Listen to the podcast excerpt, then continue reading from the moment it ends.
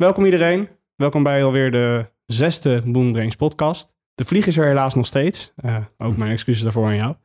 Uh, hier tegenover mij zit Simon Boer, een Paralympisch of parasporter, uh, zwemmen om precies te zijn.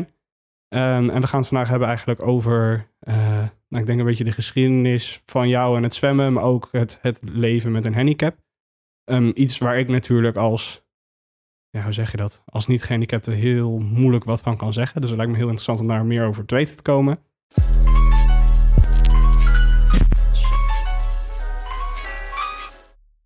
Welkom, leuk dat je er bent. Dank je wel. Um, een neefje van de collega van mijn moeder. Vandaar dat we elkaar een soort van vaag uh, kennen. Precies. Uh, ja, laten we maar gewoon meteen met de deur in huis vallen. Um, op de, de podcast, voor de mensen die het kijken in de videoversie, die zullen niet meteen zien dat er iets misschien uh, mist of afwijkt. Uh, dus misschien dat je er zelf wat meer over kan vertellen. Ja, nee, ja, tuurlijk. Um, ik um, ben geboren met het FFU-syndroom. En um, wat het eigenlijk inhoudt is dat er tijdens de zwangerschap van mijn moeder even geen bloedtoevoer was van haar via de navelstreng naar mij. En dat heeft erin geresulteerd dat ik uh, gegroeid ben mm, zonder kuit en hielbeen en een misvormde voet aan allebei de kanten. Um, en toen ik één jaar oud uh, was, hebben ze nog een, een, stukje voet dat ik had geamputeerd. En wat er uh, eigenlijk voor heeft gezorgd dat sinds ik één jaar oud ben, uh, ik op protheses loop. Tot, tot op de dag van vandaag. Dus ja, dat is eigenlijk mijn handicap. Ja. Dus om het een soort van in, in lekentermen te gooien, je hebt eigenlijk geen onderbenen. Ja, of aan in ieder geval, beide benen. Precies, ja. een groot deel mis ik. Ik heb wel een stukje, maar um, niet volledig. Dus vooral mijn enkels, kuitbeen en voet mis ik. Scheenbeen heb ik wel. En nu is het misschien, want je, zoals je zegt, je, je bent eigenlijk vanaf je, je eerste heb je meteen met protheses leren, leren leven. Mm -hmm. Dus je weet ergens natuurlijk niet, niet beter. Nee. Um, is dat denk je nog weer anders dan wanneer, je, wanneer iemand op latere leeftijd het soort van het vermogen zou verliezen om, om, te, om misschien te lopen op zijn eigen benen, laat ik maar zeggen? Voelt, het, voelt het voor jou gewoon als heel, heel normaal, denk ik? Nou ja, weet je, ook ik weet niet hoe dat dan is, is voor iemand nee. op latere leeftijd. Maar ik heb natuurlijk wel mensen om me heen die dat hebben. Um, ik denk wel dat ik het geluk heb gehad dat ik um, redelijk natuurlijk um, heb leren lopen. Dus want, niet zo'n schakelproces of zo? Nee, precies. Want ik heb natuurlijk... Uh, ja, ik ben toen ik één jaar oud was, ben ik ooit leren lopen, heb ik ooit leren lopen met protheses. Dus dat was voor mij natuurlijk. En um, als ik bijvoorbeeld kijk om me heen, uh, ken ik wel wat andere um, sporters die ook een uh, been hebben verloren op latere leeftijd bijvoorbeeld. En um, ja, die hebben er dan toch wel wat meer moeite mee, omdat het gewoon een uh, compleet nieuw iets is. En ik denk als je één jaar oud bent, leer je jezelf makkelijker iets aan dan ja, als je 14, 15 ja, bent. Sowieso dat kinderen makkelijker iets kunnen aanleren dan mensen op oudere leeftijd. Precies, dus ja, ik, ik weet ook niet hoe het is. Net zoals jij, zeg maar. Alleen um, ik weet um, wel dat, dat ik redelijk makkelijk loop vergeleken met um, mensen om me heen die het op latere leeftijd hebben meegemaakt. Het is, het is misschien een beetje zoals fietsen. iedereen leert fietsen met een soort van een instrument. Mm -hmm. En dat is dan de fiets. Mm -hmm. En uh, ja, bij jou was het met lopen ook zo, maar bij jou was het in plaats van een fiets was het dan de, waren het dus je protheses. Ja. Dus dat voelt eigenlijk gewoon, net als alle voor Nederlands voelt fietsen heel natuurlijk, voelt voor jou het lopen op een Ja, ja ik, ik denk dat je het daarmee wel, uh, wel kan vergelijken. En uh, ja, ik ben heel blij dat ik in ieder geval kan lopen en dat ik in Nederland ben geboren. Laten we het, dat niet vergeten en dat we hier de middelen hebben om uh, ja, op zulke jonge leeftijd en überhaupt protheses te krijgen. En ehm, ja, dus, dus daar ben ik wel heel, heel blij mee en me ook echt wel van bewust. Ja. En um, waar ik zelf over na zat denken, want je hoort ook wel mensen bijvoorbeeld die bijvoorbeeld een been kwijtraken zo, die hebben vaak mm. fantoompijnen. Oh, ja. Dus dat je pijn voelt in, in een, een lichaamsdeel of wat dan ook, wat je niet meer hebt. Ja. Is dat, heb je dat ook als je er soort van er zonder geboren bent? Nee, ja, ik heb dat dus niet. Um, en dat komt denk ik vooral omdat mijn, mijn hersenen gewoon de connectie naar... Die zijn nooit... Uh... Nee, dat is volgens mij nooit echt ontwikkeld naar het, het stukje been dat ik mis. Um, dus nee, gelukkig niet. Um, nee, geen ervaring mee. Nee, dat lijkt me namelijk een heel raar, uh, ja. een eng gevoel of zo. Dat je iets, pijn voelt in iets wat je niet... Ja, ik heb het wel om me heen uh, gezien. Een, ja, een, een vriend van me die heeft op volgens mij 14-jarige leeftijd bij een ongeluk zijn been verloren. En ehm, die had dus bij bepaalde momenten dat wel. En door middel van spiegeltherapie is dat volgens mij ehm, op een gegeven moment wel minder geworden. Dus ehm, ja, dat, vond, dat was voor hem ook iets heel, eh, heel geks. En ook wel echt pijnlijk, hè? want je hebt ergens pijn waar je niks aan kan doen. Want het zit er niet. Dus eh, ja, je, je kan er moeilijk voor naar een dokter gaan. ja, nee, precies. Dus het is iets heel eh, merkwaardigs. Maar ehm, ja, heb ik geen last van gehad. Nee. Nee. En jouw broer heeft ook een lichte afwijking volgens mij. Volgens mij met zijn haar, toch? Ja, ja, ja, ja. Ehm, inderdaad. Als ik het goed herinner. Ja, ja, een afwijking. Ja, zo zou je het kunnen, kunnen nou zien. ja, even- het, Ja, nee, hij is... Het is ehm, iets, iets anders dan... eh, Ja, toen hij volgens mij vier jaar was, ehm, ehm, eh, kreeg hij last van haaruitval. En eh, dat is eigenlijk nooit meer teruggegroeid. Dus eh, hij heeft nu een lekker glad koppie. En ja, verder ziet hij er hartstikke gezond uit. ja, dus eigenlijk is dat... het, is, het is echt, het is meer cosmetisch dan... Ja, precies. Het is meer... kijk, het is voor hem ook echt wel vervelend geweest hoor. Maar het is inmiddels, voor zover ik weet, is hij er helemaal oké mee. En ehm, ja, heeft hij verder fysiek dus nergens echt last van. nee. Eh, Ook, dus, en ook dus ook al op jonge leeftijd. Dus die zijn eigenlijk alle twee gewoon mee opge, opgegroeid. Waardoor misschien nu als je een beetje in de adolescenten, jongvolwassenen fase zit, dat je daardoor iets, iets, dat je er eigenlijk redelijk makkelijk Mhm. misschien mee om kan gaan. Ja, ja nee, dat denk ik ook wel. Ja, ik heb er zelf zeg maar nooit echt heel erg veel moeite mee gehad. Ehm, want ik deed ook eigenlijk alles. Ik heb gevoetbald, ik heb eh, meegedaan met gym. Ik heb eigenlijk zeg maar alles vroeger wel gedaan. En eh, ik ook heel vaak dat mijn, dat mijn protheses dan weer gebroken waren, omdat ik dan weer van een dakje afsprong of zo. Liep- Niets hield me echt eh, tegen. En dat kon Eh, je ook echt allemaal? Of, Ja, want je hoort toch heel, heel veel, tenminste, dat je, nou, ook uit series, maar ook wat je gewoon vaak van mensen hoort, is dat ze bijvoorbeeld wel van die schroei of eh, brand eh, of schuurvlekken hebben bij waar de protheses zitten bevestigd. Nee, ja, ik heb vroeger best wel, best wel vaak pijn gehad aan mijn, aan mijn stompen. Ehm, maar ja, dat heeft me af en toe wel weerhouden. Omdat je gewoon op een gegeven moment had ik overal blaren en dat soort dingen. En weet je wel, helemaal als kind groei je natuurlijk heel snel. Dus eigenlijk heb je je protheses. En binnen no time ben je eigenlijk weer te groot eh, voor de protheses. Dus dan gaat het allemaal knellen. Dat was wel een vervelende periode.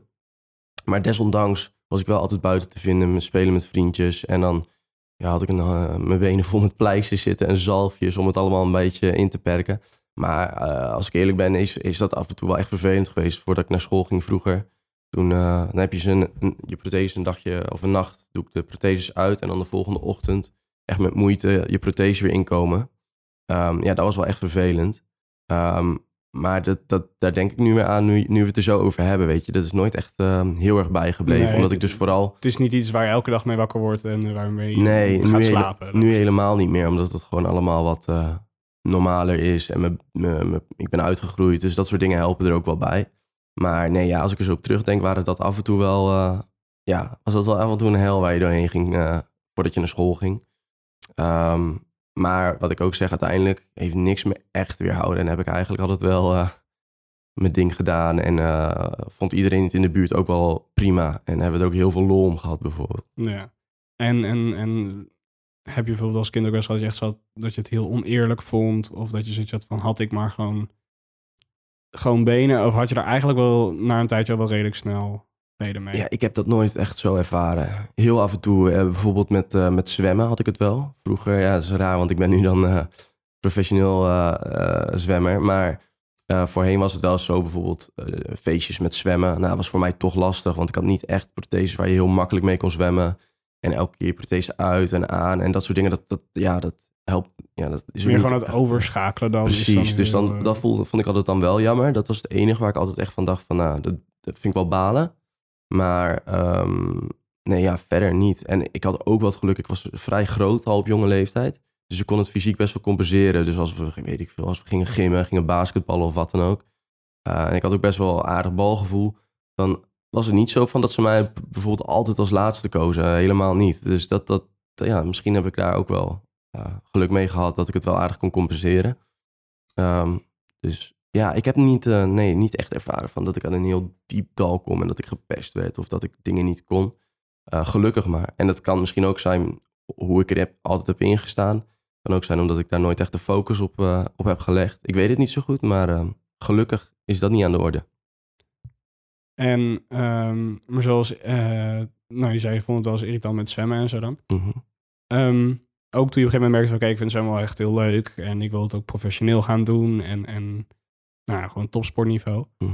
Ehm, heb je toen ook nooit zoiets gehad van, eh, of je afgevraagd van, eh, hoe goed was ik geweest als, als ik met een normale, nou ja, normaal. Ik vind normaal Mm. heel soort van, want dan zeggen we meteen dat het dat andere niet normaal is. Maar laat me zeggen met het Nee, maar ik niet, snap niet wat je bedoelt. gehandicapt eh, zwemmen. Ja. Heb je ooit gedacht van, ik zou daar, al daar het liefst aan mee willen doen en, en dat was toch mooier geweest? Of had je daar denk je het niveau niet gehaald? Of was er best wel een reële kans geweest? Nou, ik denk niet dat ik was gaan zwemmen, om heel eerlijk te zijn. Ik denk dat ik dan ehm, was gaan voetballen. En ehm, ja, wie weet had ik dan een, eh, een goede voetballer geweest. Ja, dat weet je nooit. Maar in ieder geval, ik vind voetbal heel leuk. Ehm, maar wat ik bij het zwemmen heel erg had, was eh, het stukje vrijheid. Want daar had je dus je protheses niet aan. Eh, je kon je lekker vrij bewegen in het water. En, En eh, je ziet het ook niet echt, denk ik, als je in het water ligt. ja, nou ja, dat vond ik niet eens zo heel erg. Nee. Weet je wel, Eh, ik bedoel, ja, je, je ziet wel dat je je benen mist, weet je. En, en, en ja, dus, dus op zich kon je het wel zien, maar dat was nooit de, de reden. Maar het was wel dat ik gewoon me vrij voelde in het water. Want hoe je het went of keert, als je bijvoorbeeld de hele middag loopt te voetballen, eh, vroeger thuis op het pleintje, dan ehm, had je vroeg of laat toch wel een keer last van je benen. En met het zwemmen niet, dan kon je oneindig doorgaan. Dus dat vond ik wel heel lekker. En ehm, ja, op een gegeven moment dan ben ik er eigenlijk gewoon ingerold eh, in het hele professionele zwemmen. Want in het begin vond ik, vond ik het vooral leuk. En dan ga je steeds wat meer trainen en dan eh, word je opgemerkt. Dus op die manier is het zo gegaan. toen was het meer gewoon leuk als in gevoelsmatig. Dus Ja. dat, gewoon dat vrije, ongeremde, niet die, niet die, die weerstand. En, Precies. eh, ja, dat was, dat was het gevoel wat ik daar heel erg bij had. En ik denk als ik dus was geboren met gezonde benen, ehm, dan was ik denk ik geen zwemmer geworden. Nee. En ehm, zoals, zoals dus, dus als je dat zwemmen, daar ben je op een gegeven moment steeds dieper en dieper in gegaan. Wanneer kwam een soort van het realisatiemoment van oké, hier zit wel eh, mogelijkheden in? Of dat je de keuze had gemaakt van oké, ik wil het echt professioneel gaan doen. Is dat er langzaam ingeslopen? Of heb je op een gegeven moment wel echt een duidelijke keuze gemaakt van oké, ik ga mijn leven omgooien, want tenminste ik ga ervan uit dat je wel gewoon, nou ja, je, je leeft als een topsporter, denk ik. Ehm, en ik denk dat misschien dat het voor een, een parali- of we zeggen dat een parasporter, Wat jij wil, Paralympische sporter, Eh, parasporter. als parasporter, dat er waarschijnlijk zelfs nog wel meer bij komt kijken, omdat je denk ik ook wat meer fysiotherapie nog hebt en eh, ja, dat soort verzorgingsstappen stappen die erin zitten. Van wanneer heb je echt gekozen om je leven in die zin om te, om te gooien? Ehm, nou ja, in eerste instantie, wat ik zei, was het dus echt hè, vanuit plezier. En ehm, ik ben begonnen hier in, eh, in Zwolle bij de, bij de Peperbus. Dat was een vereniging voor mensen met een, met een handicap. En op een bepaald punt kwam eh, Sander Nijhuis eh, als trainer daar aan de bak. En die zag het op een gegeven moment wel in mij zitten. Die zei van, ja Simon, ik denk wel dat je het in je hebt om misschien wel NK's, EK's, WK's, dat soort dingen ooit te gaan zwemmen. En met ultieme doel natuurlijk de Paralympische Spelen. En dat was toen voor mij echt een beetje ver van mijn bedshow. Maar ik dacht vooral, "Oh, ik vind het wel heel leuk om te trainen. Hij zei, ja, als je dat wil halen, moet je meer trainen. En ik vond het vooral leuk om meer te zwemmen... dan dat ik echt bezig al was met het EK, WK. Want we praten over dat ik een jaar of 10, 11 was. En toen ben ik naar Wezep gegaan. Naar een ehm, vereniging voor eh, gewoon valide mensen. En daar ben ik samen met hem dus steeds meer uren gaan, eh, gaan zwemmen. Toen ik op een gegeven moment dus NK's eh, ging zwemmen en ook op een gegeven moment Nederlands kampioen werd. En ehm, nou ja, op die manier ben ik ook eh, opgevallen bij de bondscoach destijds, eh, Mark Faber. En ehm, die heeft toen mij uitgenodigd om af en toe in de weekenden mee te komen trainen met, met de Paralympische ploeg. En, en hoe oud was je toen? Gewoon voor het idee, Ehm, als je een soort van... een, Ik denk dat ik een jaar of 13, 14 was toen ik om het hoekje kwam kijken bij de Paralympische zwemploeg. En ik weet nog dat zij toen op dat moment naar eh, Beijing voor de Paralympische Spelen gingen. De- rond die periode in 2008 kwam ik er ongeveer, eh, ongeveer een beetje bij, eh, om het hoekje kijken. En eigenlijk in die hele periode van Beijing naar Londen werd dat voor mij steeds ehm, eh, echter. ja, echter en steeds professioneler. En ik, werk, ik ging steeds vaker trainen in ehm, Amersfoort, waar dus het Paralympisch zwemteam zit. En ehm, ja, op een gegeven moment dan, dan rol je daar een beetje in. En, en eigenlijk voordat je het weet, eh, ja, ben je professioneel zwemmer. En ik heb het eigenlijk altijd gedaan omdat ik het heel leuk vond. En nooit omdat ik dacht, ik wil hier mijn geld mee verdienen. Ehm, maar op een gegeven moment, ja, als dat punt er komt en je doet iets wat je elke dag heel erg leuk vindt. ehm, en je krijgt daar ook nog eens eh, beta- betaald voor. Ja, dan, dan heb je het volgens mij eh, wel goed voor elkaar. Dus eh, op die manier is dat een beetje gegroeid eigenlijk. Ja, en, en je, je, je niet aan wat ik zelf wel, wel heb, me heb afgevraagd. Mhm. Ehm, want je zegt dat, dat ik erachter kwam dat ik daarmee mijn geld kon verdienen. Ja, Ehm, wat je vaak hoort van mensen die net buiten de, de grote, misschien de grootste sporten zitten, zoals voetbal. Ja. Misschien hockey in Nederland ook wel. Mhm. Wat je al snel hoort van ehm, de reden dat deze sport niet groter wordt of professioneler, of dat het Nederlandse team niet beter wordt, is omdat we niet genoeg verdienen om alleen dit te kunnen doen. Ehm, ik kan me voorstellen dat, dat misschien in het in, in zwemmen misschien al niet zakken met geld te verdienen zijn, maar dat misschien het, het, het parazwemmen nog, nog wel misschien minder mediarechten en, en, en sponsorgelden heeft dan andersom. Of zitten Nee. daar dan weer subsidies? Nee, ja, is absoluut waar. Ik bedoel, ik, ik zal, ehm, zeg nooit nooit, maar ik denk niet dat ik hier ooit echt rijk mee zal eh, worden. Maar het is zo als je in de top 6 van de wereld zit, ehm, in, in onze sport dan. Ik, eh, die standaard die ligt per sport waarschijnlijk anders. Maar bij ons in para, parazwemmen, als je top 6 van de wereld bent, krijg je vanuit NOC-NSF een A-status. En A-status, er zit een ehm, stipendium, noem je dat, bij. En eh, dan krijg je gewoon een inkomen. Dus ehm, ja, kijk, het is geen, geen vetpot, maar je kan er oké van leven. Ehm, en ja, als je 18 jaar bent, wat ik toen was, vanaf dat moment kun je dus ehm, een inkomen krijgen. Ehm, ja, had ik gewoon een leuk, eh, leuk maandelijks eh, inkomen. En eh, dat wordt elk jaar meer. Dus, dus ja, wat dat betreft is dat prima. Kan ik er prima van leven. Ik heb een eh, appartement in Amersfoort. Ik, ja, ik kom gewoon goed rond. Dus ik, ik, kan, ik kan de sport beoefenen. Alleen, ik, ik zal niet rijk worden zoals een voetballer of wat dan ook. En sommige Olympische zwemmers, die zullen ook echt dikke sponsorcontracten hebben. Ja, dat zit er bij mij niet in. Maar er zijn wel eh, sporters binnen de Paralympische wereld, eh, vooral in het buitenland dan, die wel echt, echt rijk zijn geworden binnen het Paralympisch zwemmen. Ja, dat is natuurlijk wel heel mooi. En ehm, helemaal als je het vergelijkt met 12 jaar geleden, 10 jaar geleden, ehm, is het nu wel echt een stuk professioneler. En eh, ja, ja eh, hebben we gewoon prima, prima zakcentje. Ja. Ehm, maar ja, wat, het kan natuurlijk altijd beter en eh, meer. Maar het is natuurlijk ook altijd een kwestie van vraag en aanbod. Daar ben ik me ook wel van bewust. En, en zoals, kijk, ik zit zelf dan misschien net iets meer in de wereld van, van, van social media misschien. Mhm. En ik heb al met een aantal mensen hier gesproken die wat meer doen in de marketing en zo. Ja. Zitten daar ook eh, dingen dat je zegt van daar kan ik nog wel extra zakcentje verdienen en campagnes doen misschien. En, en het eh, ook misschien een stukje aandacht creëren voor het zwemmen. Zit daar, zit, zit daar mogelijkheden in? Hou je daar niet echt eh, mee bezig? Nou ja, ik, ik studeer commerciële economie, dus ik zit ook wel eens wel in die marketingwereld. of ik in- hou me er in ieder geval wel eh, mee bezig. Maar eh, wa- wat ik heel vervelend vind, eh, is eh, mezelf eh, vermarkten, zeg maar. Ja. Dus da- dat vind ik gewoon niet, eh, niet relaxed. Ik heb meer zoiets van, eh, dit soort dingen vind ik leuk. Hè. Daar word ik dan voor gevraagd om een eh, podcast te doen. En dan eh, vind ik dat leuk, hè. ook voor jou, maar ook voor mezelf. Gewoon, ehm, Gewoon een goed gesprek. gewoon een goed gesprek, waarom niet? Ehm, maar ja, ik, ik, vind, ik heb toch wel een behoorlijke drempel als het gaat om... Ja, kijk mij eens. Nou ja, je bent wel wedstrijdzwemmer, dus je hebt sowieso wel brede schouders. Dus eh, gewoon flexen op, op Ja. Instagram misschien. En dan, nee, ja, eh, maar dat soort dingen, dat, dat natuurlijk doe je af en toe wel. ehm, ehm, leuke posts op Instagram, daar ben ik ook echt wel actief op. Maar ik denk dat er nog veel meer uithalen valt. Maar ik zou het dan leuker vinden om dat later ehm, te doen voor anderen. meer een begeleidende rol. Ja, eh, of dat ik gewoon ehm, eh, zeg van nou, ik heb een aantal sporters die ga ik gewoon ehm, eh, op de markt brengen. Dus ik ga zorgen dat die leuke sponsoren gaan vinden. En daar maak ik mooie video's van of laat ik mooie video's van maken.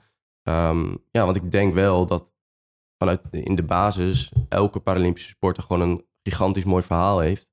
Omdat ze toch altijd wel 1-0 achter hebben gestaan eh, Ja, in de maatschappij. En ehm, ja, dat toch op een hele mooie manier hebben omgedraaid. En de een heeft een mooier verhaal dan de ander. Maar ik denk als je dat in een goed jasje stopt, dat er genoeg bedrijven zijn en ook genoeg mensen, gewoon überhaupt, die dat super interessant vinden. Ehm, en eh, een land als Groot-Brittannië is daar bijvoorbeeld super goed in. Ehm, ja, en wij in Nederland nog niet, vind ik. Ehm, dus ja, ik, ik zie daar wel ergens een, ja, een, eh, misschien een roeping voor mij in de toekomst om daar wat mee, eh, mee te doen. Nou, nou ja, wat ik zelf ook zoiets heb van, inderdaad wat je zegt, van tegenwoordig is het volgens mij ook steeds belangrijker, zelfs ook bij modellen en bij wat dan ook, de Mhm. mensen die bekend zijn, dat er ook een verhaal achter zit. En als er mensen zijn met een verhaal, dan zou ik zeggen dat zijn dan de, de parasporters. Ja, Weet nee, je, die, die hebben allemaal tegens, die hebben tegen beter weten in en allerlei tegenslagen moeten Ja. overwinnen om eerst tot het normaal een soort van gewoon goed mee te kunnen komen en vervolgens ook nog eens een, een soort van overtreffende trap Ja, ergens heel goed in te worden. nee, ja Terwijl je eigenlijk inderdaad alles, nou alles, maar je had wel veel tegen zitten. Ja, nee, zeker, zeker. En eh, ik niet alleen, weet je wel. Bijvoorbeeld eh, een, eh, goede vriend van mij, ehm Thijs van der End, die, die zit ook bij mij in het team. Die heeft toen hij elf was, denk ik, ehm, botkanker gekregen. In zijn knie, been moeten laten amputeren. Ja, die heeft echt zo slecht bijgelegen, zeg maar. Die moest op een gegeven moment, eh, hield hij niks meer binnen, heel lang, een jaar lang chemo gehad. Ja, die heeft het echt op het dieptepunt gehad. Echt lager dan dat ga je Die zeg heeft, maar die heeft de dood in de ogen gekeken. ja, weet je wel. En, en op een gegeven moment dan lag er echt een hoopje ellende, weet je wel. En ehm, als je die gast nu ziet, dat is, die is 1,90 meter, één bonk spier en is gewoon puur topsport. Ja, dat is zo'n mooi verhaal. Ehm, maar ook een zwemmer? Of ook dat- een zwemmer, ja. Heeft hij vorige week... eh, Nee, hij heeft het WK net niet gehaald, helaas. ah, oké. Ehm, maar dat is wel bijvoorbeeld een verhaal, ja. Jammer dat niet meer mensen zo'n inspirerend verhaal ehm, ehm, te zien krijgen. Want ja, dat, er wordt niet heel veel aandacht op dit moment Ja. aan besteed. Terwijl ik wel het gevoel heb dat wanneer... Als het op tv komt... Mhm. net op een gegeven moment had op een gegeven moment een jongen met Down syndroom... die op een gegeven moment alle reclames ging doen voor... of die zat in heel veel spotjes van eh, de Albert Heijn. Oké. Toen dat eenmaal gebeurde... Mhm. toen een soort van die stap was genomen van... oké, we gaan dat doen. Mhm. Toen was er wel heel veel aandacht voor. En toen werd het meteen een soort van... Nou ja, een bekendheid wil ik niet zeggen... maar in ieder geval Mhm. wel... Het, hij, werd hij was heel herkenbaar. En Ja, mensen die die spotjes zagen wisten wie die was. Ja. En ik heb zelf van, als ik eenmaal ehm, bijvoorbeeld Paralympisch zwemmen aan het kijken was, dus ik, ik bedoel, ik heb wat research gedaan voor de podcast. Ik Ja. merkte wel dat toen ik eenmaal aan het kijken was, ik het interessant vond en bleef kijken Ja. en meer ging kijken. Ja. Dus het, het triggert wel, Ja. vind ik. Juist omdat dus die verhalen erachter zitten en een, bij veel, in- ook bijvoorbeeld als je een, interview hebt net nadat iemand heeft gesport. Mhm.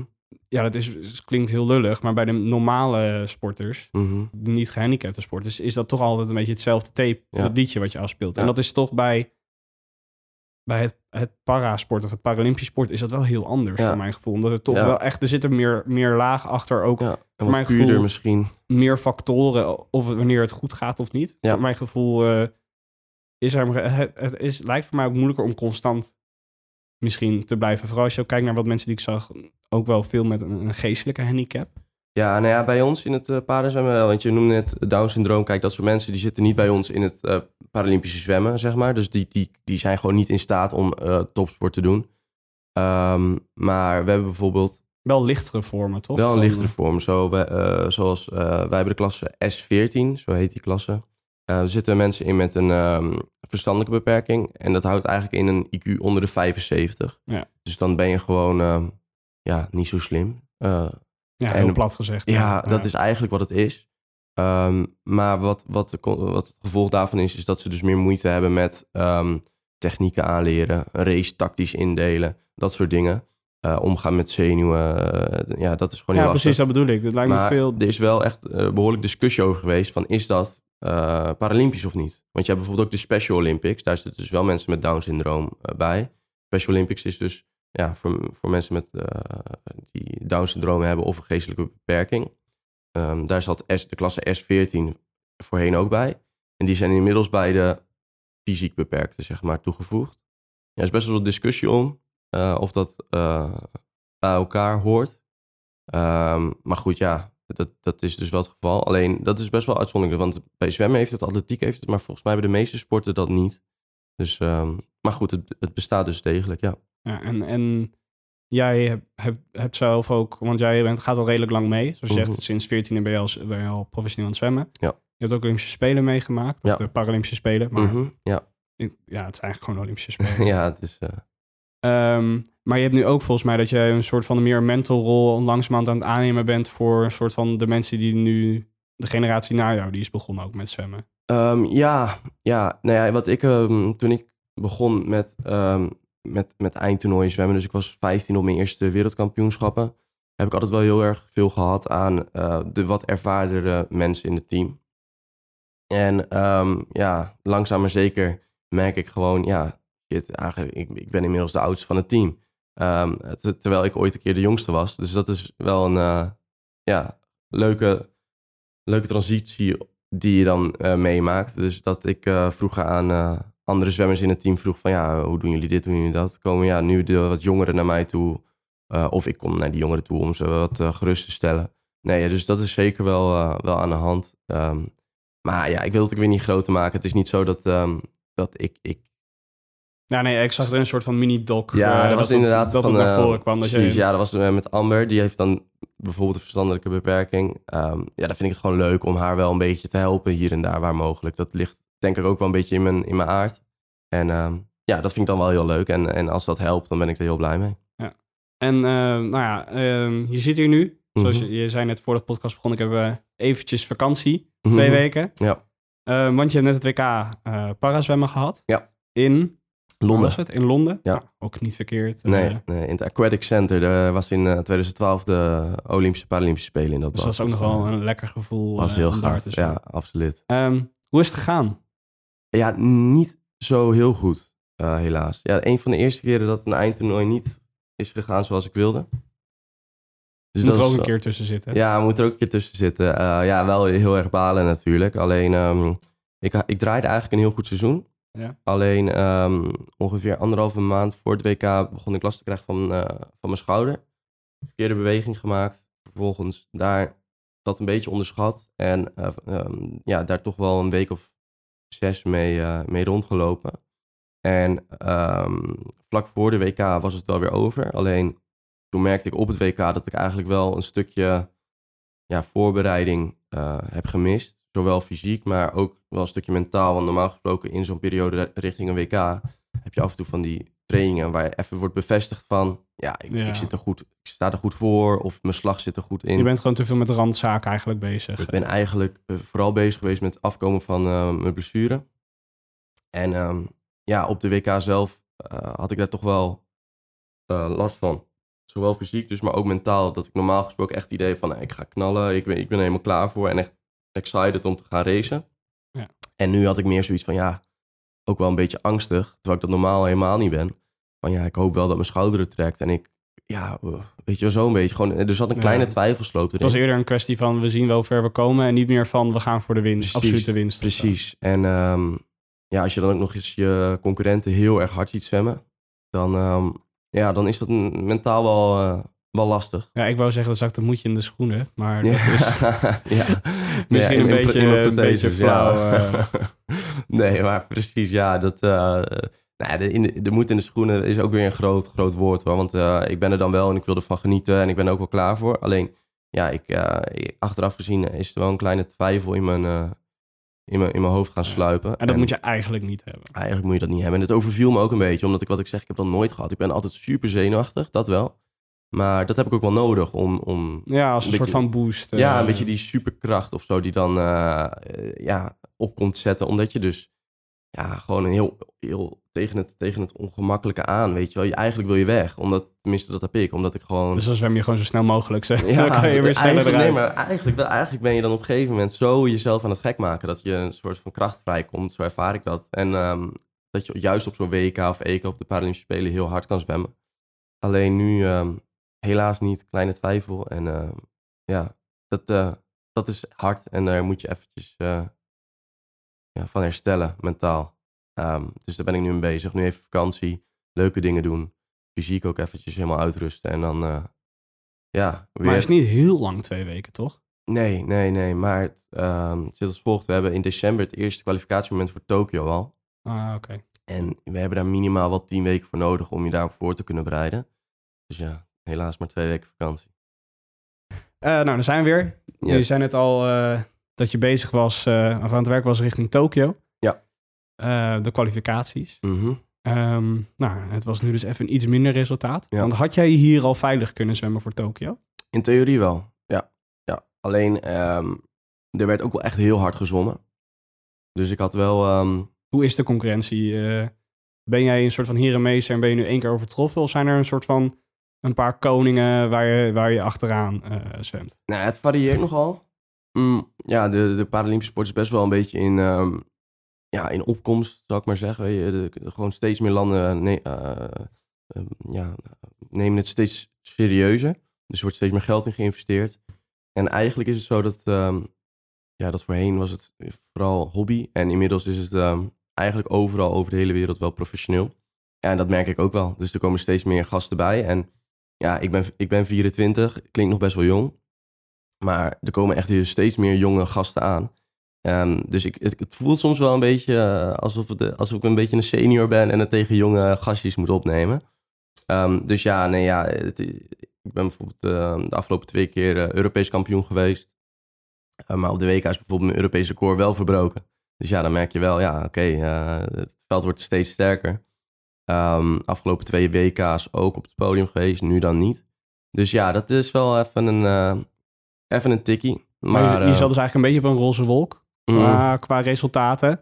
En dan is dit even een tegenvaller. Ja, nee, een roze wolk, een roze wolk. Kijk, ehm, Het ging heel lekker. het ging wel lekker. Het gaat nog steeds wel lekker. Alleen, ehm, ja, ik ben me ook wel van bewust dat ja, je kan niet voor altijd ehm, medailles halen. Dus, dus het, was niet, het was niet zo dat ik me voorhand altijd zoiets had van... Nee, elk WK, elk EK ga ik winnen of, of een medaille. Nee, ik weet, ik moet wel voor elk WK op mijn best zijn, wil ik een medaille halen. Dus het is niet zo dat ik op een roze wolk zat. Want ik wist heel goed van tevoren dat het niet vanzelf zou gaan. En ehm, eh, Rusland was bijvoorbeeld afgelopen twee jaar, nee, afgelopen drie jaar geschorst geweest. Vanwege eh, heel dopingschandaal. Ook de parasporters? Alleen de parasporters. Oh. Dus eh, ik weet ja, niet... omdat ik weet dat niet hele dopingschandaal ja, nee, zat, ik weet niet hoe Poetin dat heeft uitgespeeld. Maar hij heeft ervoor gezorgd dat de Olympiërs niet geschorst waren en de Paralympiërs wel. Maar die hebben toch... Ja, het klinkt heel lullig, maar die, die hebben toch sowieso al wel medicijnen en, en dat... En Ja, nee, dat valt Bepaalde dingen niet. Misschien Nee, ja, in principe niet. In principe niet. Alleen ik denk gewoon dat er een. eh, ja, dat weet ik niet met, kan ik niet met zekerheid zeggen, maar ik denk dat er op een gegeven moment gewoon een deeltje is gesloten van eh, de Olympiërs niet, want daar hangt meer geld en meer macht en dat soort dingen vanaf. Eh en de hebben ze meer te verliezen eigenlijk. hebben ze meer te verliezen. Ik denk dat het zo is gegaan. Maar goed, voor ons natuurlijk heel lekker, want dan heb je gewoon eh, Rusland niet eh, als concurrent. Ehm, tegelijkertijd vond ik het ook wel weer heel leuk dat ze terug waren, omdat je toch in zo sterk mogelijk veld wil racen. Dus eh, daar zat bijvoorbeeld ook weer een jonge jongen bij, hè, want die hebben dan drie jaar onder de radar gezeten. Heb je nooit wat van meegemaakt. En dan ja, is het toch maar even de vraag, na die schorsing, wie ze ervoor terug, eh, en met wie ze terugkomen. Ja. En dat zijn dus een eh, boel hele sterke zwemmers. Eh, waaronder eentje bij mij op de 100 meter schoolslag. Ja, want dat is jouw onderdeel. Ja, dat de hebben we nog 100 niet eens meter benoemd. Maar schoolslag. ja, dat is een 100 meter schoolslag inderdaad. Ehm, ehm, en een Australische jongen, die zit er al heel, echt al heel lang. Ehm, die, die is ook echt goed. Colombiaanse jongen. Die, die is echt herenmeester. Heel veel, heel veel twijfel of hij in de goede klasse zit. Omdat je, ja, je hebt bij het zwemmen heb je eigenlijk klasse S1 tot en met S10. Ja. Klasse S1 ben je zwaar gehandicapt, S10 licht gehandicapt. En eh, die jongen zit bij mij in ehm, S7. Ehm, ja, terwijl zijn handicap nou niet dat je zegt heel erg zwaar is. Ehm, dus hij zwemt ook echt iedereen aan gort. Hij zwemt, eh, ja, hij zwemt de, de oud eh, Paralympisch kampioen op die afstand zwemt hij er eh, naar huis met 11 seconden. Wat echt gigantisch veel is. Ja. Ehm, dus ja, dat is, wel, eh, dat is wel jammer als je denkt van is het wel helemaal eerlijk. Want dat, dat gebeurt gewoon steeds meer. En hoe, Ehm. wel, nou maar, eh, ehm, misschien om het wat concreter te maken Mhm. voor, voor nou ja, een, een, onwetende zoals ik. Ja. Wat is een beetje de lichtste persoon in jouw categorie zwemt en wat is dan maar de meest zwaar gehandicapte persoon in jouw categorie? Nou, in, in mijn categorie is het heel erg ja, uiteenlopend. Maar bijvoorbeeld iemand die bijvoorbeeld een platvoet heeft. Ik zeg maar wat, of een klompvoet. Die zit in S10. Gewoon heel licht. Iemand die een dwarslesie heeft en bijvoorbeeld alleen nog een arm kan bewegen. Zit in S1. Ja. Komt bijna niet voor. Ik heb, ik heb ze nog niet gezien, zeg maar. Dus meestal begint het een beetje bij S2, S3. Ehm, en bij mij in de klasse ja, is het heel erg variabel. Maar ik mis dan eh, een groot deel van mijn onderbenen, dus ik zit erin. Eh, maar ik zit bijvoorbeeld zwemmen ook tegen een jongen die al zijn tenen en al zijn vingers mist. Dus ja, die kan wel lopen en die kan ook wel gewoon, eh, die heeft ook wel zijn handpalmen. Maar die mist dus wel een stukje stuwing door, doordat hij zijn vingers mist. Maar op zich wel nog best wel... Als je, ja, bewijs van, als je brede schouders en brede armen en zo ontwikkelt en goede benen, dan kun je toch nog wel redelijk wat Precies, water dus- mee eh, verplaatsen. Ja, me. ik vind dat ook best wel een hoog. eh, ja, zit best wel hoog in mijn klasse, zeg maar. Dus, eh, maar goed, daar moet ik het tegen doen. Eh, die Russische jongen waar ik het net over had, die mist één arm vanaf zijn schouder, zeg maar. Dus die mist gewoon een volledige arm. Maar ja, schoolslag is in principe een beenslag. Uh, een grotendeel doe je met je benen dus. Waarom ben je dan in godsnaam de, de, de schoolslag gaan doen? Ja, dat vraag ik me ook wel eens af. Maar ik, ik was daar toch het beste in. Uh, en ik zou zeggen, kijk, tenminste, ja, je hebt best wel gewoon brede schouders en zo. En daar is natuurlijk ook gewoon niks mis mee. Ik, ik gok dat je daar heel veel op traint. Ja. Zou, waarom doe je dan niet misschien iets van, van de, de, de misschien? Ik weet niet of daar misschien meer je armen bij... Ik heb, ja, als, eh, toen ik wel echt wat jonger was, deed ik natuurlijk alles. alleen op een gegeven moment ga je toch kijken wat je het beste kan. En um, ja, ik, ik, ik stond er gewoon het beste voor op de schoolslag. Dus dan ga je dat uh, daar toch op specificeren. En uh, ja, nee, natuurlijk Europees kampioen geworden, op de WK tweede en derde geworden. Dus ja, uiteindelijk ook wel een goede keuze geweest. Alleen op dit moment zie ik wel heel veel om mij heen. Volgens mij was ik op de finale de enige zonder volledige benen. De rest lag allemaal al best wel een stukje voor met de start. Dus bij mij is dat altijd een inhaalrace. Als in gewoon met het afzetten? Met, Ja, vanaf het blok zeg maar. Ja, als je gewoon twee gezonde benen hebt, dan uh, lig je natuurlijk voor op, op mij. Maar ja, nee, ja ik, precies deze vraag vroeg ik me ook af laatst. Van, heb ik niet gewoon de verkeerde slag gekozen? Uh, maar, maar die, goed. die twijfels ook niet goed natuurlijk voor een wedstrijd. Nee, ja, dat was, mm, was meer daarna nog hoor. Dat ik dacht van ja, als ik zo om me heen keek, dacht ik ja, donders en, wel, en, eh, zou dat nu nog kunnen, en, daar in een omslag? Of is nee, dat wel ja, dat is ineens te laat. Maar ik denk, weet je, wat ik net ook zeg, ik ben wel Europees kampioen geworden en nog steeds uh, regerend Europees kampioen. Uh, op WK's op het podium gestaan. Dus het is ook natuurlijk een beetje raar om, om na één WK te, te, concluderen, oh, ik heb het verkeerd gedaan of het verkeerd gekozen. Dat, ben, je, dat ben, je, ben je sowieso, ben je daar maar gezonder twijfel nog steeds ook de beste Nederlander op dit onderdeel? Ja, dat wel, ja. Ik ben, dus, uh, je bent, heb, je, heb je nog een goede voorsprong op je, je, je concurrenten? Ja, ja, dat zit echt wel, uh, wel goed. Ja, kijk, het is natuurlijk een uh, niet heel dicht veld. Als je echt een dicht veld wilt, ja, moet je naar een WK. Nee, er komt heel de wereld. Maar in Nederland zelf, ja, nee, heb ik op dit moment geen enkele, geen, enkel, geen enkele angst voor iemand anders. Wel een cool gevoel om te kunnen zeggen dat je ergens de beste in bent. Ja, nee, hartstikke leuk. Hartstikke ik heb het zelf nog, nog, nooit gehad. Of dat ik ergens echt de beste in was. Uh. Nee, ja. Nee, straks de beste podcast uh, ja. maken. nee, maar um, dat, is, dat is wel cool. Alleen, uh, dat went ook wel weer. En je wil altijd meer. Dus dat, dat heb ik dan ook wel weer. Dat is die topsportmentaliteit. Dat is denk ik Maar eigenlijk, even een soort van een zijstapje doen. Voor mijn gevoel hebben heel veel mensen die gehandicapt zijn... eigenlijk van zichzelf al die topsportmentaliteit ontwikkeld. Dus vanuit daaruit is het misschien ook helemaal niet zo'n gekke stap. Mhm. Want je, je moet al een soort van vechtersmentaliteit en een, een go-get-em mentaliteit hebben om echt het beste uit je leven te halen als je, als je gehandicapt bent. Toch? Ja, ja, maar ik denk ook wel zeg maar dat. Zo we... weer een stap verder. Maar... Nee, ik snap wat je bedoelt. Maar ik denk inderdaad dat het, dat het klopt. Maar ik denk tegelijkertijd ook, misschien zie jij of vallen de mensen met een handicap op ehm, die die mentaliteit hebben omdat de mensen die dat niet hebben... Um, die zie je niet. Die zie je niet. Dat denk ik wel eens. Want ik, ik zie ook wel eens mensen, in, vooral jonge, jonge gastjes in een team komen met een bepaalde handicap.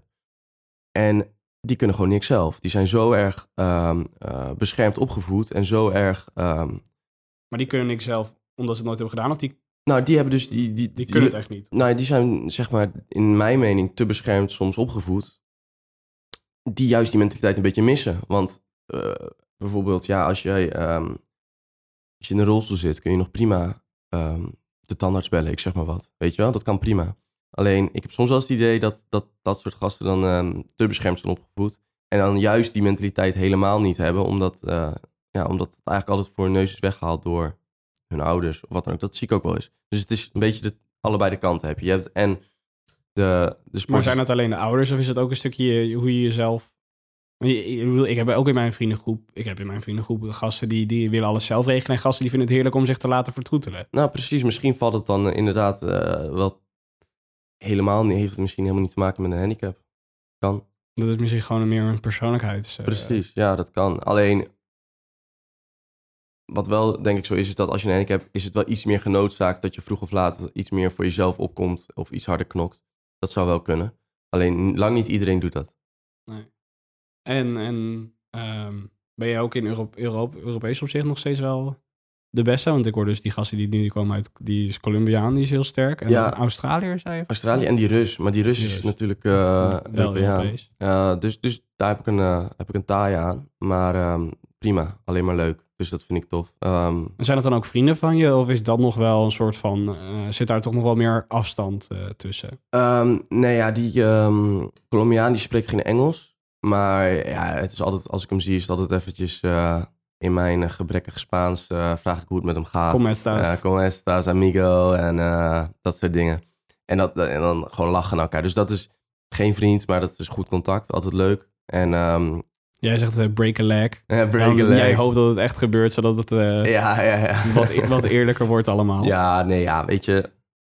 Ik vind het niet helemaal eerlijk, inderdaad. Maar ja, kun je dat zo'n jongen kwalijk nemen? Die jongen zwemt alleen heel hard. Het, Ehm, het is meer de, de, de, het zijn het dan eerder de, systeem. het systeem die dat eh, zo neerzet. Dus daar heb ik wel mijn twijfels over. Maar ja, wat ik zeg, kan ik die jongen kwalijk nemen dat hij gewoon heel hard traint en heel hard zwemt? Nee, ja, niet. Dus Nee, daar moet je het mee doen. Hij kan er ook niks in doen dat hij bij jou in de categorie... Kijk, of hij kan er wel voor gelobbyd, wordt er voor gelobbyd en is dat meer politiek? Nou, of is dat wel heel... ja, Colombia, een beetje drugsgeld, sluit ik niet uit. Maar eh, Nee, nee, maar ik bedoel, is het heel objectief eh, hoe dat wordt Ja. geregeld? Of is het, kan hij er zelf niet zoveel op Hij kan- invloed op hij uitoefenen? kan er niet zo heel veel invloed op uitoefenen. Maar het hele systeem is gewoon... je hebt zeg maar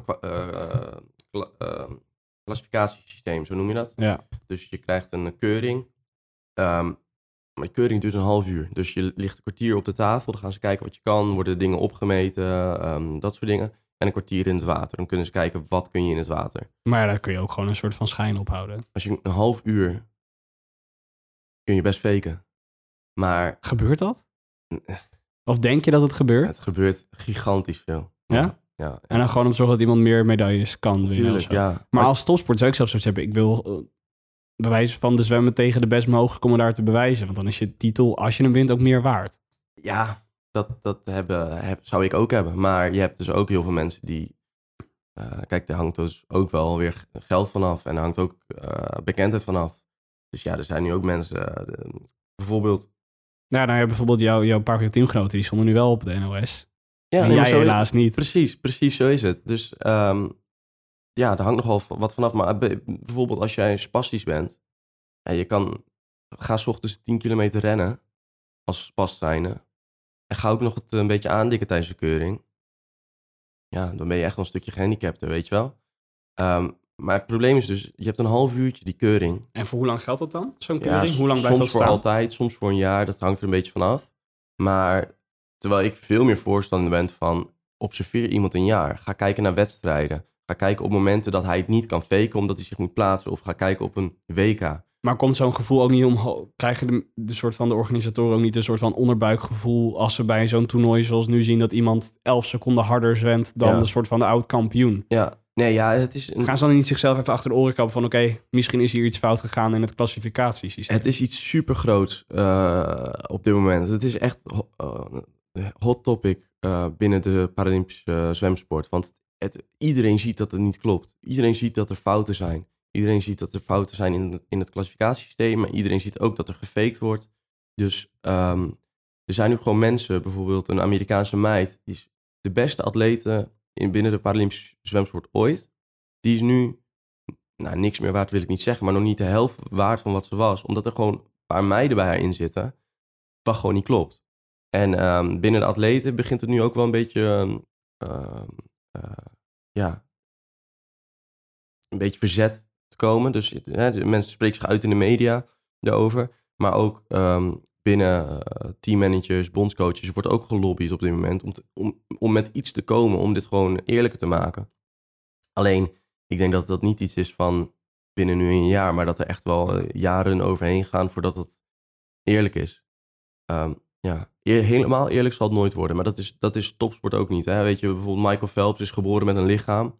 En daar kun je zo is, eh, gruwelijk hard mee zwemmen. En, en wat je ook had op een gegeven moment eh, een half jaar geleden met die vrouwelijke hartsloopster, die Precies. gewoon is geboren met een soort van hormonale afwijking, waardoor zij meer spierontwikkeling heeft, een grotere longinhoud. Precies, En ja. Die Dus wordt je- nu ook verplicht om dan... Ja, dat, wat, wat in mijn ogen bizar is. Maar ehm, je moet niet streven naar dat iedereen gelijk is. Maar je kan wel streven naar een zo'n eerlijk mogelijk systeem waar niet in gefraudeerd kan worden. En dat Het, het zal nooit perfect zijn. Er zal altijd wel iemand zijn die net er wat beter vanaf komt dan iemand anders. Wat helemaal oké is. Alleen, ehm, nu is dat verschil te groot. kijk, wat je bij wielrennen hebt gehad en bij andere sporten is gewoon eh, doping. En wij hebben gewoon ehm klassificatiedoping. Zo zou ik het willen noemen. Maar- daar worden maar- medailles gewonnen. Zouden ze niet in zekere zin een soort van kunnen zeggen van... je hebt een soort van uh, nulniveau. Dus bij wijze van dat is de gemiddelde sporter in die categorie. Of de, Mhm. juist de beste sporter. Ja. En iedereen die eronder zit, die mag een bepaalde hoeveelheid doping nemen om daarvoor te compenseren. of compenseren. ja, nee, ja, weet je... Of zou dat er niet een houdbaar systeem... eh, Nou ja, weet, doping is gewoon heel slecht voor je. ja, oké. Dus, dus het zou onverantwoord zijn. Ehm, dus nee, daar ben ik sowieso niet op... op niet, niet Is, het, is, maar- gebeurt dat al in het, in het parasporten? Dat er mensen met een bloed... eh, heb jij een keer met een, eh, een Zwitserse dokter eh, met een bloedtransfusie in je arm gezeten? Doe je daar geen uitspraken over? Doe geen uitspraak. Nee, absoluut niet. Maar we worden wel allemaal ehm, gecontroleerd. Dus ik kan elke dag moet ik een uur opgeven, timeslot. Ehm, en dan kan ik gecontroleerd worden op eh, doping. Dus, en dat gebeurt wereldwijd. Ehm, dus, dus het is wel, eh, ze zijn er wel streng op. Net als bij Olympisch is het bij eh, Paralympisch ook gewoon iets waar ze streng op controleren. En wat naar mijn mening heel goed is. Dus wat dat betreft ja, is dat een soort doping. Maar ik denk dat we in de Paralympische sport vooral ons eh, druk moeten maken en hard moeten maken voor de ja, klassificatiedoping, zoals het eh, genoemd wordt. En eh, Nederland staat best wel bekend ook als een zwemland in het algemeen. Dus je Ja. hebt uh, Chromobi Jojo's en wat is het van de hoge band vroeger. Ja, En de bruin. De Ja, bruin met, die, is- met haar sikke rug. ja, ja. ja. Ehm, is dat in het parazwemmen ook zo? Want ik zag volgens mij wel redelijk dat jouw, jullie team, Team Nederland, Mhm. heeft het volgens mij best wel goed gedaan. Ja, nee, klopt. Ehm, 21 medailles? Volgens mij wel. En volgens mij zijn we zevende geworden op de medaille eh, ranking. Dus ja, nee, ja, voor, voor een klein land als Nederland eh, doen we het echt wel heel goed. En volgens mij is het ook, als je kijkt naar alle sportbonden op de Paralympische Spelen, zijn wel een, van de grote, uh, grootverdieners als het gaat om eh, medailles. Dus ja, ja, dat is wel heel vet om daar deel van uit te maken. En zitten daar dan ook nog weer bonus aan vast? Of is het niet zo'n soort systeem? Ehm, nou, volgens mij is het zo, als je een medaille wint op de Paralympische Spelen, dat je wel ehm, een leuk zakcentje krijgt. Volgens mij als je... Maar alleen bij de. Paralympische Spelen? Sorry? Alleen bij de Spelen? Of Ja, alleen bij de niet met. WK's? Maar het geldt en- volgens mij ook bij de um, Olympische is het hetzelfde. Op WK's en EK's verdien je volgens mij mm, geen geld. Ja, behalve als het, als het, als het toernooi zelf eh, geld eh beschikbaar Ja, nee, maar volgens mij op EK's en WK's is dat volgens mij niet zo. Eh, je hebt bijvoorbeeld wel de World Cups met het Olympisch zwemmen. Dat is wel echt een, uh, waar echt veel geld uh, aan, aan, aan verbonden zit. Dus als je daar uh, op een toernooi eerste wordt op een World Cup, dan kan het zomaar zijn dat je 20.000 euro verdient. Wat natuurlijk een mooi bedrag is. Maar dat hebben we bij Paralympisch niet, nog niet. Misschien komt het nog, maar vrees dat ik dat niet meer ga meemaken in, als sporter zijn. En, en wat, zie je dan als, want het, je zegt nu dus, nou, ik vrees dat ik niet meer ga meemaken. Wil je wel aan het zwemmen betrokken blijven? Dus zie je jezelf dan misschien eerder als, als een trainersrol aannemen? Of is het wel, want je zegt je studeert ook uh, commerciële economie. -hmm. um, is dat de more likely future? Of denk je toch dat je in het zwemmen uh, actief blijft? Of kan dat naast elkaar? Um, nou ja, dat is iets wat ik me de laatste tijd ook steeds meer uh, aan het afvragen ben. Want op een gegeven moment dan... Omdat je nu ook die, die mentorrol met Amber ja, bijvoorbeeld. gekregen. Ja, ja. Um, ja, nee, kijk, ik vind het, ik vind het heel leuk om met, met talenten en jonge mensen te werken op dit moment. Um, maar goed, ik heb dat altijd als naast het sporten gedaan. Dus ik weet niet of ik, het, of ik er fulltime mee bezig wil zijn. Dan moet ik, ja, dan moet ik echt blijken. Maar ik, heb, ik sta er wel heel erg voor open om na mijn zwemcarrière misschien een um, talentcoach of een assistentcoach uh, te worden in eerste instantie. Om dan te kijken, vind ik dat leuk. Uh, maar wat ik net ook aangaf over het uh, commerciële economie. Misschien kan ik wel iets voor de Paralympische sport betekenen vanuit, mijn, vanuit die kant. Hè? Dus dat ik uh, de sport iets meer op de kaart zet. Of dat ik mooie ja, talentontwikkelingsprogramma kan, kan neerzetten. Ja. Dat soort dingen. Ik ben er wel mee bezig. Ik denk dat ik heel graag in de sport wil blijven. Maar ik heb ook altijd geleerd om, ja, om het allemaal een beetje open te houden. Want het loopt vaak toch niet zoals je denkt dat het gaat lopen. Nee, dat is een uh, mooie instelling. Dat zou ik uh, ook zeggen, inderdaad.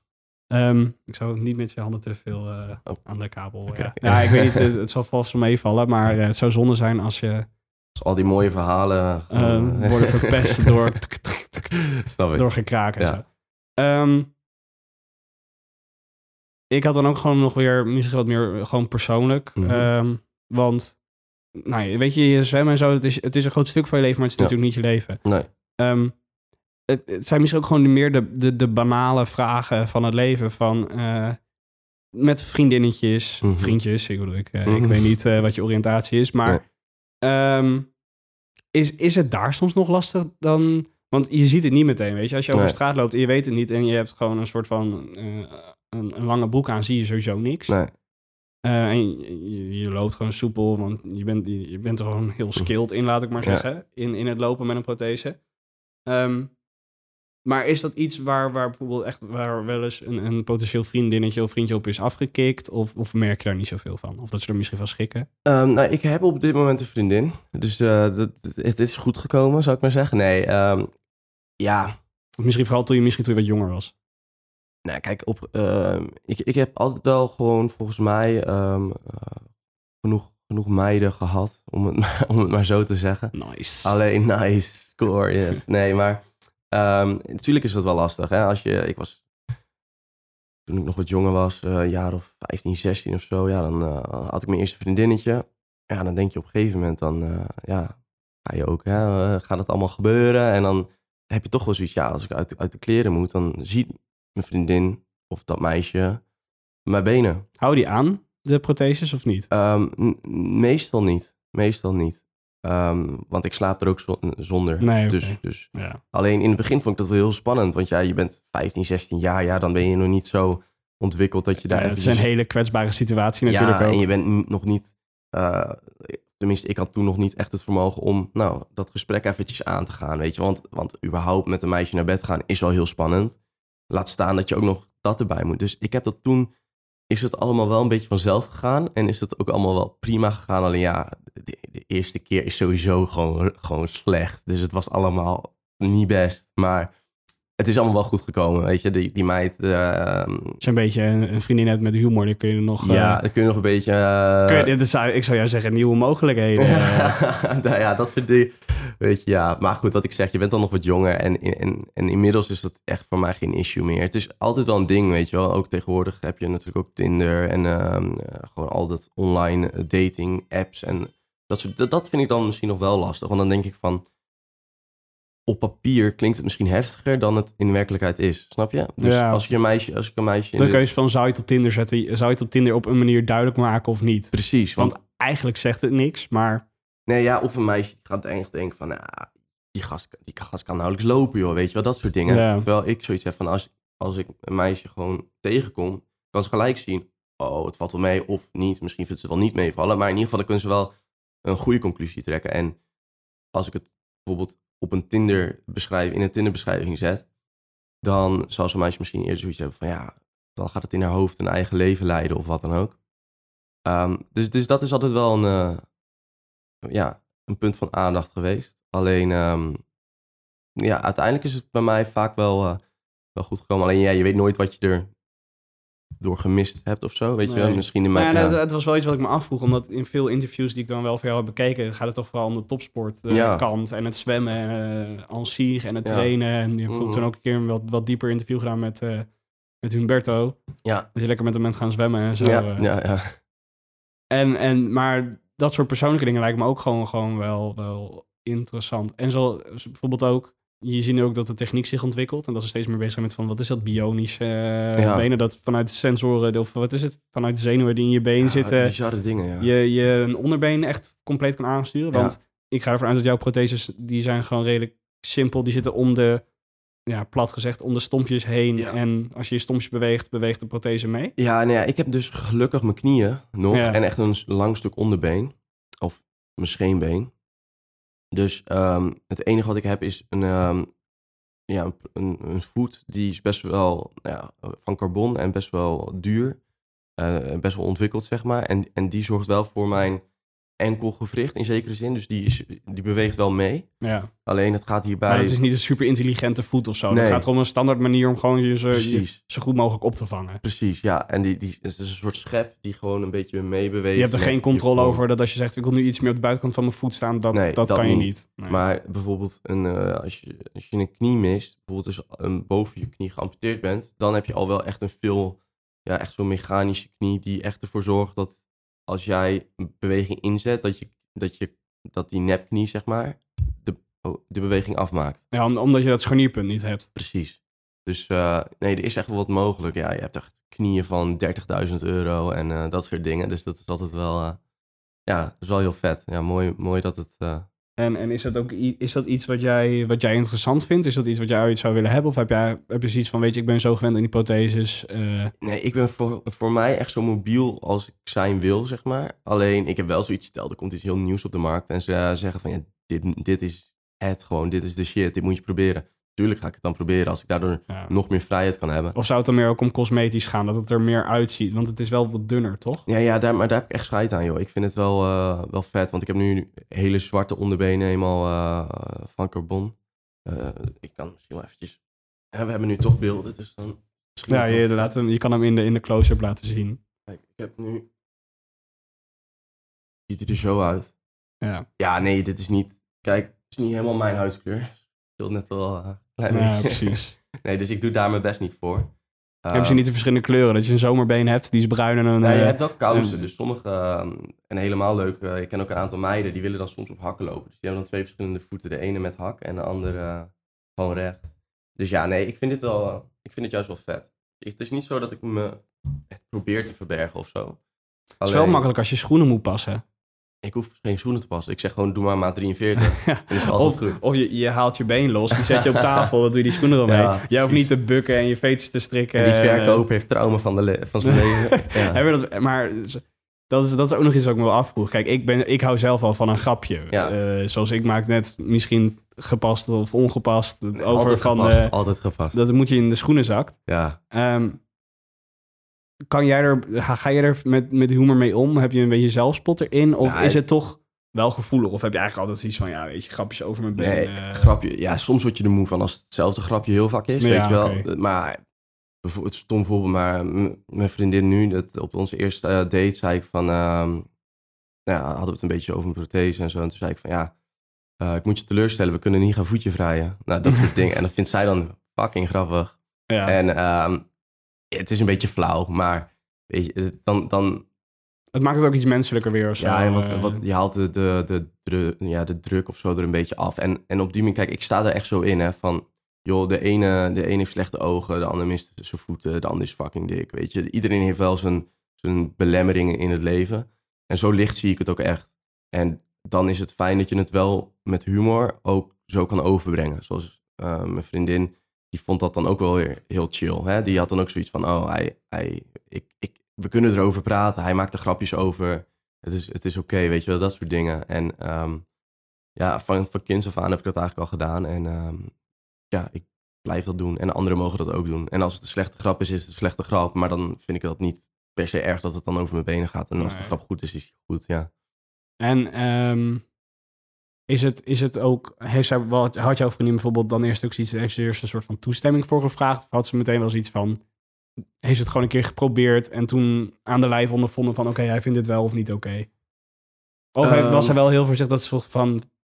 Kan ik er grapjes over maken terwijl je een keer eh, een gesprek erover had? of Nee, ja, ze, ze heeft het niet gevraagd. Ze heeft het niet, zij heeft het, omdat ik het zelf deed, deed zij dat op een gegeven moment Ja, ook. precies. Je kan het gewoon eh, een beetje lezen in de situatie. Precies, ja. En ehm sowieso, ja, nee, precies. En wat ik zeg, iedereen heeft wel zijn dingen. Dus er zijn ook dingen bij haar waar ik dan grapjes over kan maken. Weet je wel, snap je wat ik bedoel? Eh, Mhm. Een beetje zelfspot of een beetje elkaar... Ja, roosten is niet het goede woord, maar wel op een leuke manier iemand zijn Als je ook minder maar, kanten... ik denk dat het ook meer gaat waard van wie het komt en op welke Precies, manier. Ja, dus eh, nee, dat is heel natuurlijk gegaan. En tegenwoordig, eh, ja, gaat ze er ook heel, weet je, gaan binnenkort naar Walibi en zij wil heel graag in die vrije val. Is dat, heet dat vrije val? Nou, in ieder geval, Ik ben hang niet- je met ik je, ben niet hang je met je benen los. Nee, ja, maar je hangt met je benen los. Dus ik zeg, ja, weet je, wat, wat, wat zie je voor je? En dan, dan ziet zij het helemaal voor zich. Dan zegt ze, nou, dan ga jij gewoon zitten.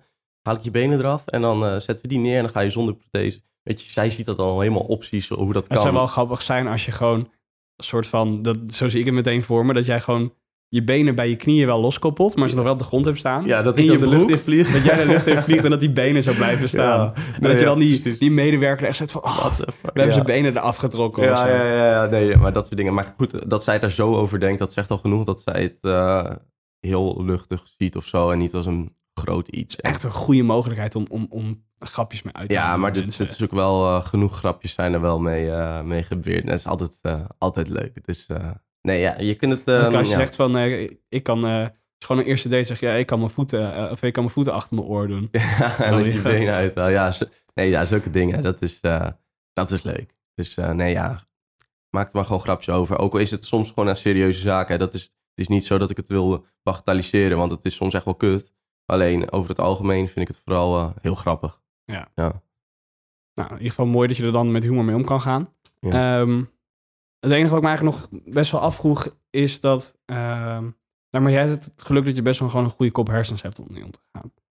Maar je, ja, nou, het klinkt heel lullig, maar... Maar ja, dan- bedankt voor het compliment. Nou, Ja. je, je, je, staat- je bent gewoon heel redelijk en je kan het allemaal wel relativeren en Mhm. zo.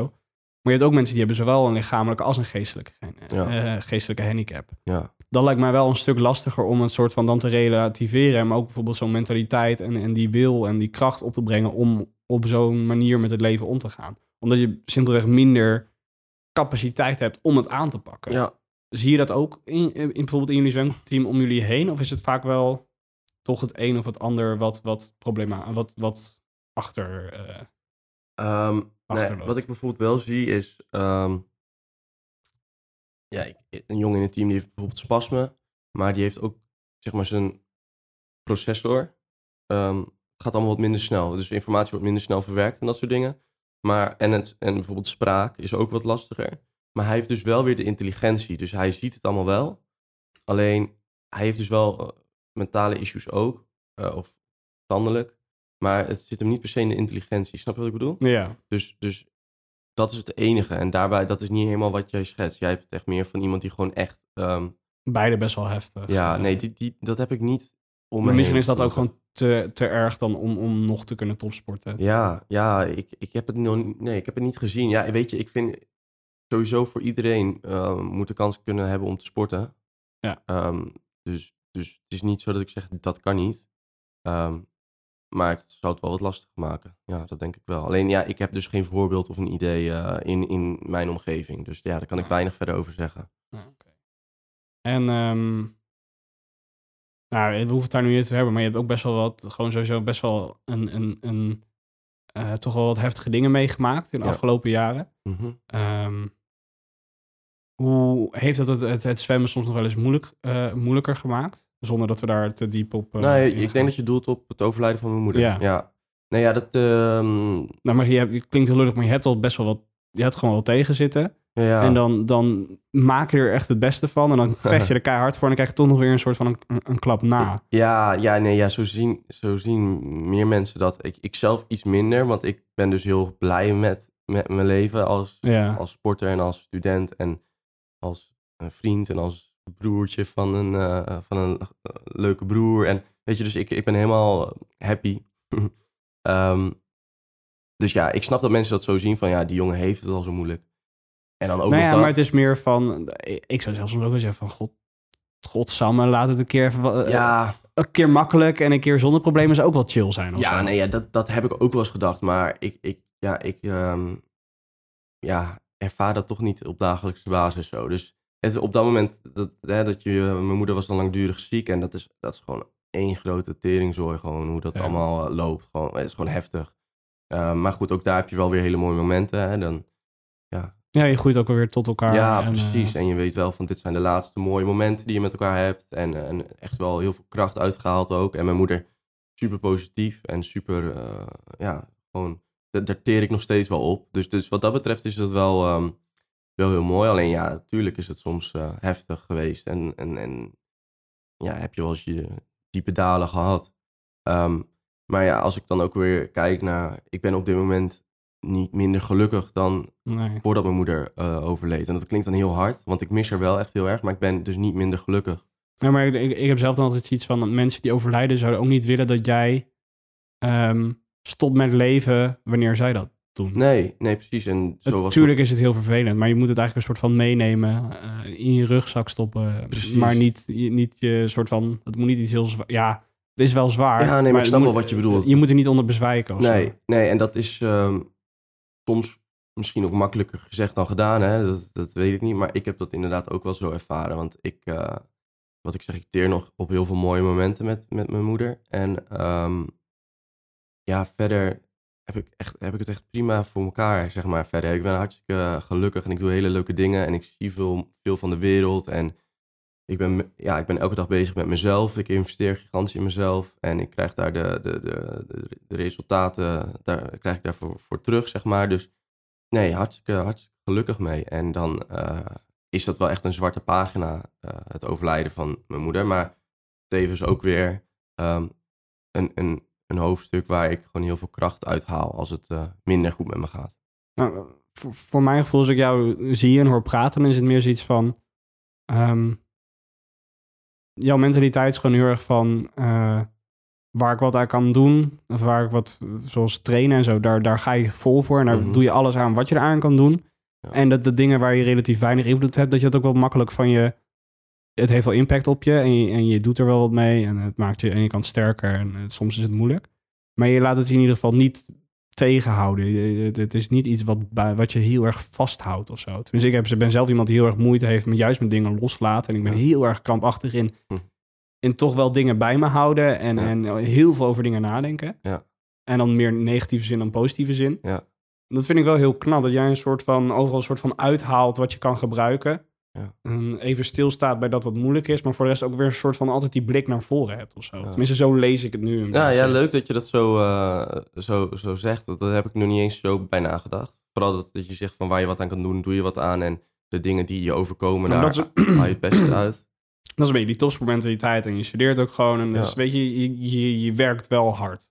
Ja, Daar kun je niks van, daar kun je, gewoon- je kan daar niks van zeggen. nee, weet je, je stopt, je bedoelt. je Ja, stopt er wel gewoon die 110% stop je erin. ja, nee, ja dat, dat, is, eh, dat is denk ik wel, eh, wel, wel waar. Ja, alleen, Dus ik, het is iets waar ik Ja. heel veel, een soort van die, die, die houding is iets waar ik heel veel bewondering voor heb. En ik denk Ja, dat mensen die hier luisteren, dat die er ook heel veel bewondering voor zullen hebben. Dat, dat het een soort van, nou ja, ik betrap mezelf wel vaak op dat ik loop te zeiken om, als ik het dan vergelijk met, en dat kun je natuurlijk altijd vergelijken met iemand anders, maar dat ik dan het voel dat ik over hele triviale dingen loop te, te, maar- te zeiken. ja. Maar dan heeft iedereen natuurlijk weer zijn eigen, Ja, maar dat, dat eigen vind ik dan ook altijd weer. eh, weet je, dat had ik toen heel erg toen eh, mijn moeder ziek was en eh, net was overleden. Als mensen dan kwamen zeiken over een vriend die vervelend deed of zo. Zeiden ze heel, heel snel van, ja, maar dan moet ik bij jou niet komen, want jij hebt het veel moeilijker, weet je. Ja. Dat is natuurlijk niet waar, want het is, het is, zo, het is zo heftig en zo vervelend als jij het op dat moment ervaart. Weet Ja. je, is het, is het je verkering die uitgaat? Kan op dat moment het einde van jouw wereld zijn? Is het mijn moeder die ziek is? is weet je wel, dus ja, dat kun je niet altijd... eh, je kan het ook niet met elkaar vergelijken. precies. Maar Dus- het is wel een gevoel dat ik snap. En ook wel een gevoel dat ik zelf soms ook wel eens heb. Dat als Ja. ik dan aan het klagen ben over dat ding, denk ik van, ja, maar er zijn... Nou, ik denk wel dat ik echt veel beter ben gaan relativeren. En dat is soms een beetje gevaarlijk als, als topsporter, maar ik heb wel... ehm, ja, als je zoiets heftig meemaakt, dan heb je wel op een gegeven moment zoiets van... eh, maak je maar een keer niet zo druk over een tentamen dat gaat komen. Ja, weet je, je hebt eh, nog een herkansing en anders doe je het volgend jaar, weet je wel. Dat soort dingen heb ik wel ehm, wat meer. Alleen, ehm, ja, wat je zegt over van dingen waar je aan kan, wat aan kan doen, doe je wat aan. En de dingen waar je niet aan kan doen, haal je gewoon je lessen uit of de positieve dingen uit. Dat is vrij natuurlijk, denk ik. En ook wel door wat je, wat je meemaakt. Dus, eh, maar ja, nu je het zo zegt, is dat wel, eh, vind ik dat wel mooi. Ga ik er wel eh, bewust over Maar ja, is zo, zo, zo, oogt het wel van eh, gewoon hard werken. En, en, en eh, wel bij dingen stilstaan, maar niet, niet te lang. Nee. Niet, Nee, niet ja. Of er niet in blijven hangen. Dat is denk ik misschien de betere beschrijving. Niet dat eindeloze Piekeren. piekeren. Eh. Daar ben ik wel echt iemand die daar heel erg toe in staat is. Die dan uiteindelijk keuzes moet maken. Dat ik maar dan die keuze zo lang uitstelt tot daar eigenlijk geen keuze meer is om te maken. Ja, volgende keer denk je aan mij als je te lang loopt te piekeren. Ehm, nu op het einde van de podcast, wat, eh, wat, wat heeft het eh, leven nog voor jou in petto, denk je? Wat, waar, wat wil je nog, zijn er nog doelen die je Oeh. graag wil behalen? Tokio, denk ik. Tokio ga ik proberen. Wordt een uitdaging, maar ga ik mijn best voor doen. Dus dat is op korte termijn een, eh, een doel. Zou dat, de- zouden, zouden dat de laatste Olympische Spelen zijn als je die zou halen? Ik denk het wel, maar zeg nooit nooit. Nee, dat is waar. Dus ehm, ja, ik denk het wel. Dus dat is op korte termijn nog wel echt een doel. Ehm, en op langere termijn, ehm, ja, een beetje de standaard ding. Ik wil echt nog heel graag mooie reizen maken. Ik wil eh, door de tijd een, een mooi huis kopen. Ik wil ehm, eh, een leuke baan. Ik wil wat betekenen voor, eh, voor de sport. Zowel Paralympisch als Olympisch of wat dan ook. Maar ik wil heel graag in de sport betrokken blijven. In een andere rol dan dat ik dat nu ben. Ehm, en zoveel mogelijk genieten eh, met, met hele leuke en lieve mensen om me heen. Ja, Nou, dat klinkt eh, positief. ja. En ook nog afstuderen een keer tussendoor? Of eh, ja, niet zo'n prioriteit? ja moet wel hè, moet wel. Nee, Nou, ja, dat hoeft niet. Ja, ja, ja, ja, dat is wel, hoort erbij. Dus dat is, ik moet nog anderhalf jaar, waarvan van de helft stage lopen. Dus dat is nog best wel... Maar dan zit je ook in een soort van eh, sportreglement dat dat weer... Ja, nee, ik zit nu een beetje... ik zit nu op het punt dat ik stage moet gaan lopen. Dus dat stel ik nog even uit. Dus ik ga na Tokio, als ik Tokio haal. En anders eh, na de kwalificatieperiode ga ik eh, uitstellen tot ik weer echt verder ga met studeren. Omdat eh, ja, op dit moment gewoon alle prioriteit op Tokio ligt. Ehm, en het kwalificeren ervan. En daarna ergens een mooie stage lopen bij een mooi bedrijf. Dus als er nog luisteraars zijn met een eh, mooie stageplek, dan... Nou ja, hier toch? Bij, eh, ja, kan. bij je tante. Ja, wie weet, wie weet. En, maar een mooie sportorganisatie zou ook tof zijn. Oké, nou, klinkt goed. Ja. Ik hoop dat je Tokio haalt. Ik gun het je van harte. Dankjewel, man. Ik wil je ook bedanken dat je hier wilde zijn. Ik vond het in ieder geval een heel leuk en ook wel bijzonder gesprek. Om, ja, het is voor mij ook een soort van een blikje in, in een wereld waar ik toch een, een, een vreemde in ben. Ja, nou ja, kan ik heel, heel goed begrijpen. Echt voor mij echt het alle, allernormaalste wat er is. Maar ehm, ik hoop voor de Ja, maar dat is voor misschien jou, ook eh, juist mooi om te horen dat het op een gegeven moment iets normaals Ja. is geworden. Of eh, ja, eh, hoe zeg je dat? Voor jou is het niet eens per se geworden. Het was het eigenlijk Ja. altijd al. Ja. Ehm, maar ik denk dat misschien ook wel eh, sommige mensen daar wat moois uit kunnen halen. Ik hoop het. Eh, ik wil je erg bedanken. Ik wil Yes, ook Berg en. Boer bedanken voor het ter beschikking stellen van de locatie. yes.